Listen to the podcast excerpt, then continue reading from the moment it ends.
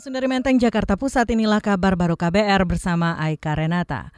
Presiden Joko Widodo mendukung Menteri Pendidikan dan Kebudayaan menghapus ujian nasional mulai 2021.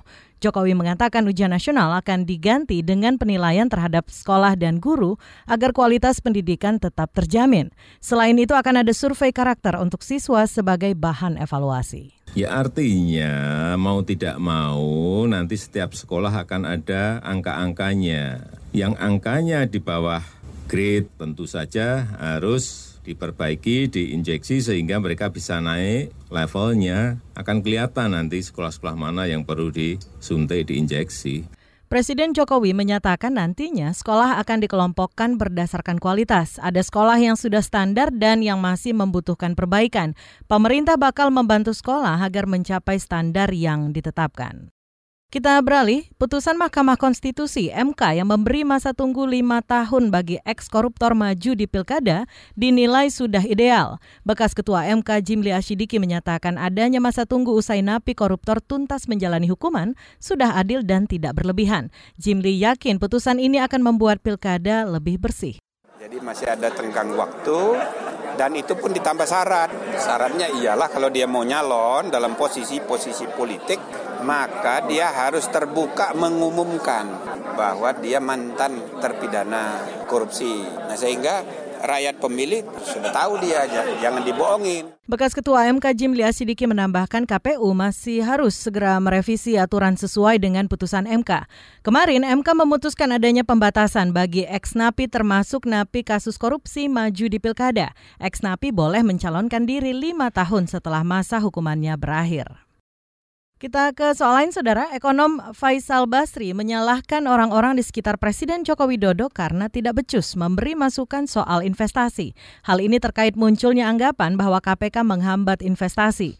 Faisal menuding Kepala Staf Kepresidenan Muldoko dan Wakil Tim Sukses Mewakil Ketua Tim Sukses Jokowi Ma'ruf Amin, Ruslan Rosani sebagai pembisik utamanya. Pusing ini barangkali pembantu pembisik, dibisikin. Ini KPK nih, investor datang, bisnismen datang. Ini KPK yang bikin susah kita Pak. Pembisik utamanya Muldoko dan wakil ketua tim pemenangan kampanye Rosan Roslani Ekonom Faisal Basri lantas menunjukkan sejumlah data untuk mementahkan anggapan bahwa KPK menghambat investasi.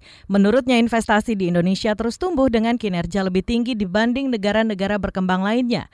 Gencarnya pemberantasan korupsi dinilai Faisal justru bakal menarik lebih banyak investasi.